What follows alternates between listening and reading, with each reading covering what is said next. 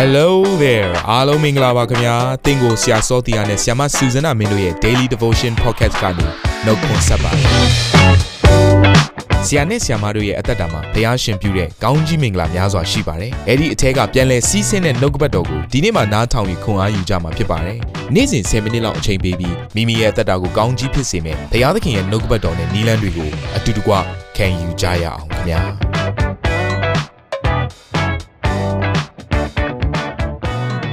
အားလုံးမင်္ဂလာပါကဲပဲစိတ်လှုပ်ရှားစရာကောင်းတယ်နော်ဒီတပတ်တာအတွင်းမှာခွင့်လွှတ်ခြင်းမင်္ဂလာခွင့်လွှတ်လိုက်ခြင်းအပြင်ဘုရားကျေးဇူးပြုမဲ့မင်္ဂလာတွေကိုကျွန်တော်လေ့လာတဲ့အခါမှာနေ့ရက်တိုင်းမှာကျွန်တော်တို့ release release เนาะကျွန်တော်တို့အပြစ်ခွင့်လွှတ်ခြင်းတွေဆူတောင်းခြင်းအပြင်ဘုရားပေးတဲ့ခွန်အားအပြင်ကျွန်တော်လှုပ်ဆောင်ခဲ့ကြတယ်ဒီနေ့မှာဒီနေ့ဒီချိန်ထိပေါ့เนาะအကယ်၍များထိုရောက်ကိုမလှုပ်ဆောင်နိုင်ခဲ့တော်သူများရှိတယ်ဆိုရင်ဒီနေ့လက်တွေ့ကြတဲ့ခြေလမ်းခုနှစ်လမ်းကိုကျွန်တော်ပြောပြီးတော့အဆုံးသတ်ခြင်းတယ်ဒီနေ့မှာတော့နှုတ်ကပတ်တော်ကို အလွတ်ကျက်တဲ့ຢာမပါတော့ဘဲနဲ့ပြီးခဲ့တဲ့၄ရက်တာကာလမှာအလွတ်ကျက်ခဲ့တဲ့အကျမ်းစာတွေကိုပြန်လည်ပြီးတော့ဆင်ခြင်မဲ့နှလုံးသွင်းမယ်ဖြစ်တယ်။အဲ့တော့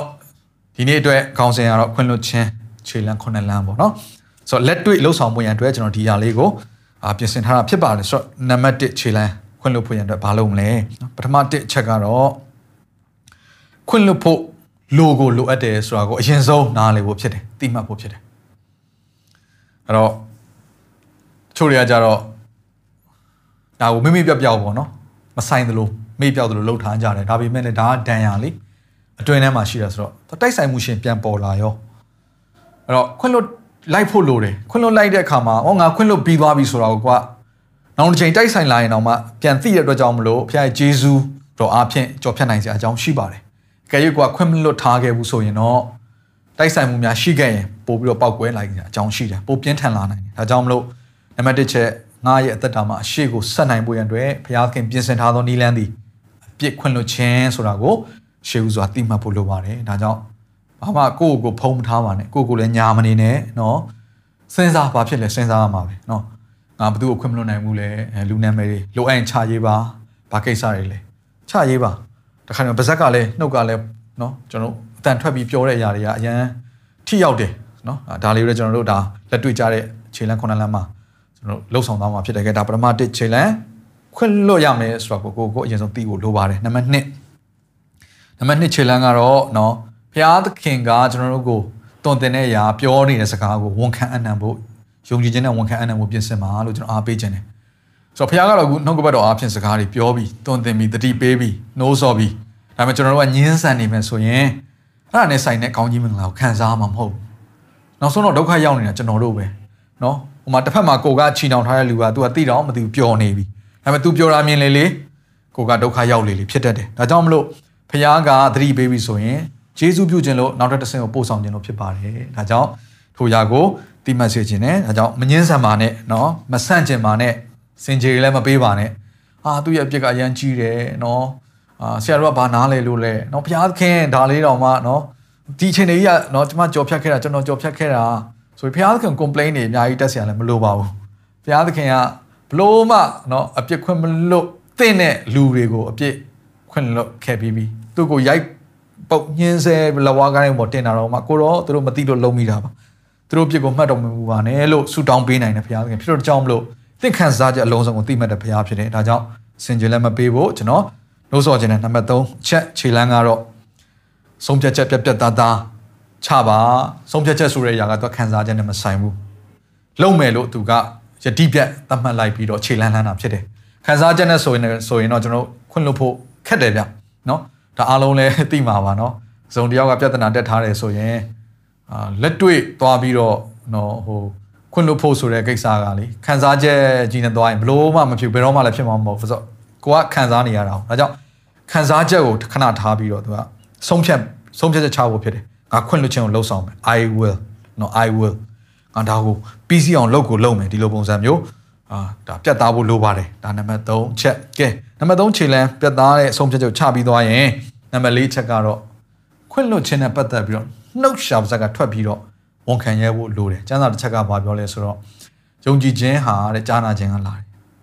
ဆိုတော့ကျွန်တော်တို့ကြားနာခြင်းဆိုတာကကိုယ်နှုတ်ကထွက်တဲ့အရာကိုကိုကအရင်ဆုံးကြားရတာဘယ်သူမှမကြားရနေအောင်အရင်ဆုံးကိုကကြားရတာဆိုတော့ အဲ့လူကိုသွားပြီးတော့ တောင်းပန်ဖို့လိုရင်တော့မှမတောင်းပန်ရဲသေးဘူးမတောင်းပန်ခြင်းဘူးဆိုရင်တော့မှပထမဦးဆုံးလုံနိုင်တဲ့အရာကဘုရားသခင်ရှေ့မှာနှုတ်ရှာပါဇက်ကနေအတန်ထွက်ပြီးတော့အဲ့လူရဲ့နာမည်ကိုခေါ်ပြီးတော့เนาะဒါဘယ်သူမှလည်းကြားစရာမလိုပါဘူးเนาะဘုရားသခင်နဲ့ကိုယ်ပဲဆိုတော့အခန်းတစ်ခန်းထဲမှာပြောလိုက်လို့ရတယ်ဘုရားသခင်ရှေ့မှာအဲ့တော့နှုတ်ရှာပါဇက်ကအတန်ထွက်သွားရင်အရင်ဆုံးကြားရတာကိုကြားရတာသူ့ကိုခွင့်လွတ်တယ်ဆိုတဲ့စကားကိုဘုရားရှိခိုးမှာပြောလိုက်တဲ့အခါမှာအရင်ဆုံးကိုယ့်ရဲ့နှလုံးသားအတွင်းထဲမှာယုံကြည်ခြင်းဆိုတဲ့အရာဖြစ်လာတယ်။ဩငါခွင့်လွတ်ခြင်းဆိုတဲ့အကြောင်းငါပြောနိုင်ပါလား။ ဘုရားငါ့ကိုကျေးဇူးပြုပါလား။စသဖြင့်ပေါ့နော်။အထဲမှာယုံကြည်ခြင်းကတိဆောက်ပြီးတော့ခွင့်လွတ်လိုက်တယ်ဆိုတဲ့အရာကိုကိုကိုယ်တိုင်ကသိမှတ်သွားတယ်။နော်ကိုကိုယ်တိုင်ကပြန်ကြားရတာဟုတ်။ဆိုယုံကြည်ခြင်းအထဲမှာဖြစ်လာတယ်။ဒါကြောင့်စိတ်ထဲကနေနော်စဉ်းစားပြီးခွင့်လွတ်လိုက်ပါတယ်ကွာဆိုပြီးတော့အတွေးခေါ်မဟုတ်ဘဲနဲ့နှုတ်ရှာပါစကထွက်တဲ့အရာနားကပြန်ကြားတဲ့အထိပြောခြင်းအပြင်ခွင့်လွတ်ခြင်းကိုပြောဖို့နော်လူတယောက်ရဲ့နာမည်ခေါ်ဒီကိစ္စဒီကိစ္စကြောင့်သူ့ကိုကျွန်တော်ခွင့်လွတ်ပါတယ်ကိုတော့ဒါလေးကိုအာကျွန်တော်တို့ပြောဖို့ဖြစ်ပါတယ်နော်အဲ့တော့နံပါတ်5 ခြေလန်းနံပါတ်5ခြေလန်းကတော့ခွင့်လွတ်ပြီးပြီဆိုရင်ပြန်မစင်စားနဲ့ထပ်ပြီးတော့လည်းမချီနှောင်နဲ့အဲ့တော့ကျွန်တော်အဲ့ဒါအရန်ရေးကြည့်တယ်နော်အခါကြီးကျတော့ပေါ်ပေါ်လာတယ်လေနောက်တစ်ချိန်ပြဿနာကြုံတာဖြစ်နိုင်တယ်အဲ့ချိန်ကျရင်အော်ငါ तू လုတ်ခဲ့တဲ့ပြစ်တွေအားလုံးငါခွင့်လွတ်ခဲ့ပြီးပြီပဲလို့ဆိုတဲ့အရာလေးကိုအဲ့ကိုဖះရဲ့ရှေ့မှာပြောခဲ့တဲ့အရာခွင့်လွတ်ခဲ့တဲ့အရာကိုပြန်သတိရမှာသိမှတ်ပါခါကြတော့မာနက်ကကျွန်တော်တို့ကိုလာပြီးတော့တွေးဆောင်တဲ့နေရာသည်အတွေးခေါ်ထဲမှာဖြစ်တယ်နော် ကျွန်တော်တို့ရဲ့ mind ကသူက battlefield နော်တိုက်ပွဲတိုက်တဲ့နေရာတစ်ခုပေါ့ဆိုတော့ RNA အေဝါကိုလည်းမာနက်ကလာပြီးတော့တွေးဆောင်တဲ့အခါမှာသူတို့ရဲ့အတွေးခေါ်ကိုပြောင်းလဲဖို့ရံပဲလာပြီးတော့စကားပြောတာဖြစ်တယ်ဆိုတော့အဲ့တော့ကျွန်တော်တို့ရဲ့အတွေးခေါ်ထဲမှာအဲ့ဒီချီနှောင်ခြင်းထဲမှာနေစေခြင်းတဲ့လူကမာနဖြစ်တဲ့ကြောင့်မလို့နော်သူကကျွန်တော်တို့ကိုချီနှောင်ခြင်းထဲမှာပဲဖြစ်ရှိစေချင်တာပေါ့ဒါမှပဲသူကအမြဲတမ်းတစ်သက်လုံးချုံနှောင်နေရမှာ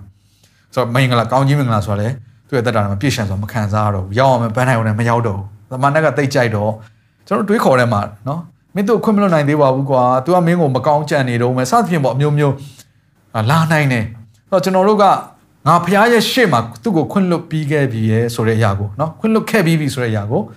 ပြန်လည်ပြီးတော့တိမှတ်ဖို့ဖြစ်တယ်လို့ပြန်လည်ပြီးတော့အဲ့အရာကိုတွေးဖို့ဖြစ်တယ်ပြီးတော့ဖရားရှေ့မှာပြောလိုက်ဖို့ဖရားသခင်ကျွန်တော်သူ့ကိုခွင့်လွတ်ခဲ့ပြီးပြီနော်ဖရားသခင်သမီးသူ့ကိုခွင့်လွတ်ခဲ့ပြီးပြီနော်ဆိုတဲ့အရာလေးကိုထပ်ပြီးဝန်ခံလိုက်တင်တရာမှာကောင်းကြီးခံစားလိမ့်မယ်ကဲနံပါတ်6ခြေလန်းကတော့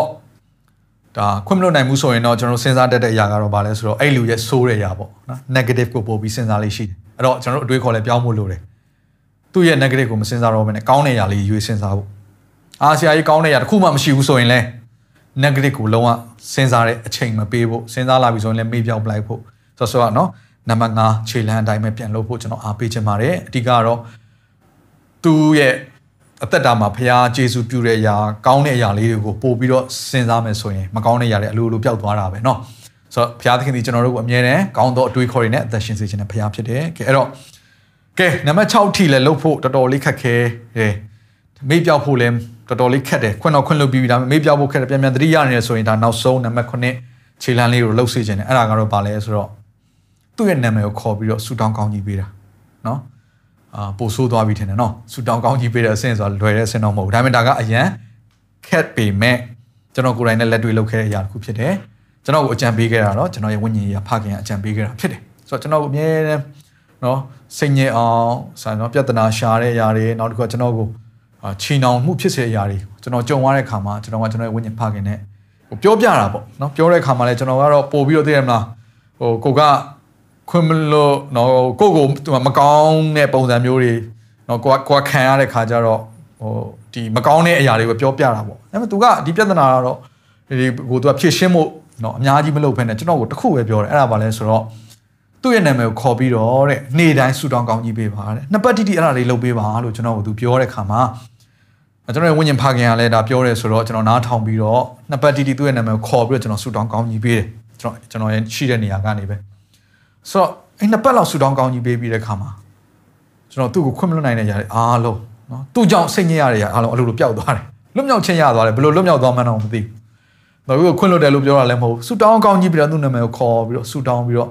နော်ကောင်းကြီးပြီးပထမတရက်နေ့ကတော်တော်ခက်တယ်နော်ကောင်းကြီးမရစေခြင်းဘူးပေါ့နော်တော်တော်ခက်တယ်။ဘာကြောင့်လဲဆိုတော့ကိုကလည်းဘာမှအမှားလုပ်တာမဟုတ်ဘူးလေ။အမှားလုပ်တာကိုကိုလာပြီးတော့သူကအမှားလုပ်တာ။ဆိုတော့ကိုဘက်ကကောင်းရဲ့သားနဲ့ကိုကိုလာပြီးတော့နော်အထင်လွဲတာမျိုး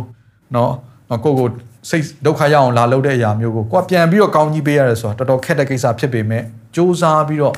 ကျွန်တော်ဒီຢာကိုလှုပ်ဆောင်တဲ့အခါမှာနောက်ဆုံးမှလွတ်မြောက်ခြင်းရတယ်။ဘုရားကျေးဇူးပြုတယ်ဘုရားကောင်းကြီးပေးတယ် ကျွန်တော်ကြည့်တဲ့အခါမှာဒီ process တစ်ခုလုံးကိုကျွန်တော်ကြည့်လိုက်တဲ့အခါမှာကောင်းကြီးခံစားသွားတာဘယ်လိုပဲလဲဘယ်သူပဲလဲဆိုတော့ကိုကိုယ်တိုင်ပဲဖြစ်တယ်။ဒါကြောင့်တင့်ကိုလည်းဘုရားသခင်ကကောင်းကြီးခံစားစေခြင်းနဲ့ကျွန်တော်ကလည်းတင့်ကိုကောင်းကြီးခံစားစေခြင်းပါတယ်လို့နော်။ဒါကြောင့်ဒီဒီခြေလမ်းခုနှစ်လမ်းเนาะကျွန်တော်တို့လှမ်းပြီးတော့အ ပြစ်ခွင့်လွှတ်ခြင်းကိုလှုပ်ဆောင်ဖို့ရန်အတွက်ကျွန်တော်အားပေးခြင်းနဲ့တတိယပါအပြစ်ခွင့်လွှတ်ခြင်းအပြင်ရတော့ကောင်းကြီးမင်္ဂလာသည်ကိုယ်ခန္ဓာအတွက်ရောစိတ်ရောဝိညာဉ်အတွက်ရောချို့ရယောဂရှိရဲဆိုရင်ခွင့်လွှတ်ခြင်းအပြင်ယောဂပျောက်သွားတော့တသိခံတဲ့တွေအများကြီးရှိပါတယ်နော်အာဆူတောင်းပေးလည်းမပျောက်ဘူးဟိုဆရာဆူတောင်းလည်းမပျောက်ဒီဆရာဆူတောင်းမပျောက်ဆေးတောက်လည်းမပျောက်ဘူးဒါပေမဲ့အပြစ်ခွင့်လွှတ်ခြင်းဆိုတဲ့အရာပေါ့အတွင်းနှလုံးသားထဲမှာအာ Greek လို့ဆိုတော့ sozo လို့ခေါ်တာပေါ့နော်ကျွန်တော်တို့ကျွန်တော်တို့ဒီအသုံးနှုန်းမှာ sozo လို့ခေါ်တာပေါ့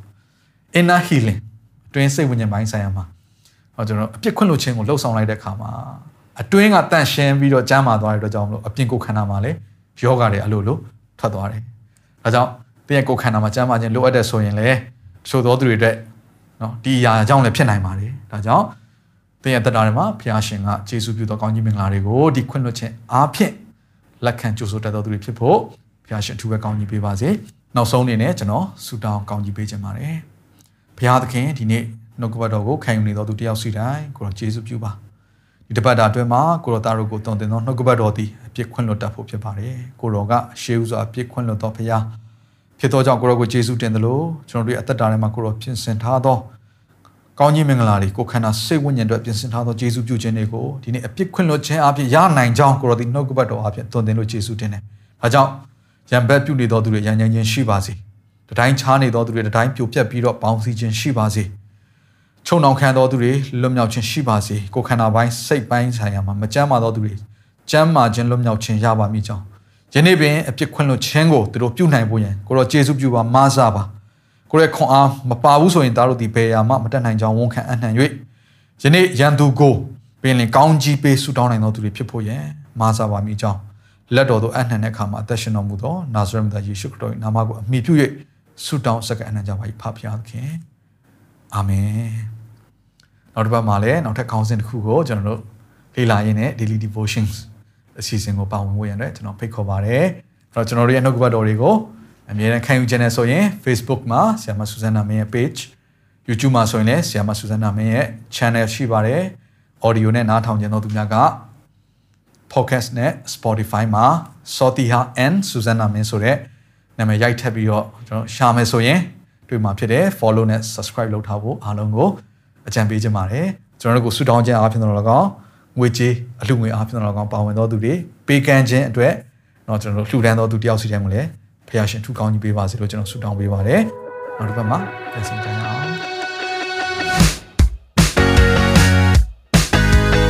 နာတော်တာစင်သူတိုင်းရဲ့အသက်တာမှာကောင်းကြီးဖြစ်မယ်ဆိုတာကိုကျွန်တော်ယုံကြည်ပါတယ်။ သင်ရဲ့အသက်တာအတွက်များစွာသော resource တွေနဲ့ update တွေကို Facebook နဲ့ YouTube platform တွေမှာလည်းကျွန်တော်တို့ပြင်ဆင်ထားပါတယ်။ Facebook နဲ့ YouTube တွေမှာဆိုရင် search box ထဲမှာစူဇနာမင်းလို့ရိုက်ထည့်လိုက်တဲ့အခါအပြအယောင်အမှန်ချစ်ထားတဲ့ Facebook page နဲ့ YouTube channel ကိုတွေ့ရှိမှာဖြစ်ပါတယ်။နှုတ်ကပတ်တော်တွေကိုဗီဒီယိုအားဖြင့်လည်းခွန်အားယူနိုင်ဖို့ရန်အတွက်အစင်သစ်ပြင်ဆင်ထားပါတယ်။ကျွန်တော်တို့ဝိညာဉ်ရေးရာအတွက်အထူးလိုအပ်တဲ့ဖွင့်ပြခြင်းတွေနဲ့ခွန်အားတွေကိုရယူလိုက်ပါ။နောက်ရက်များမှာပြန်ဆုံတွေ့ကြရအောင်ခင်ဗျာအားလုံးကို no separate.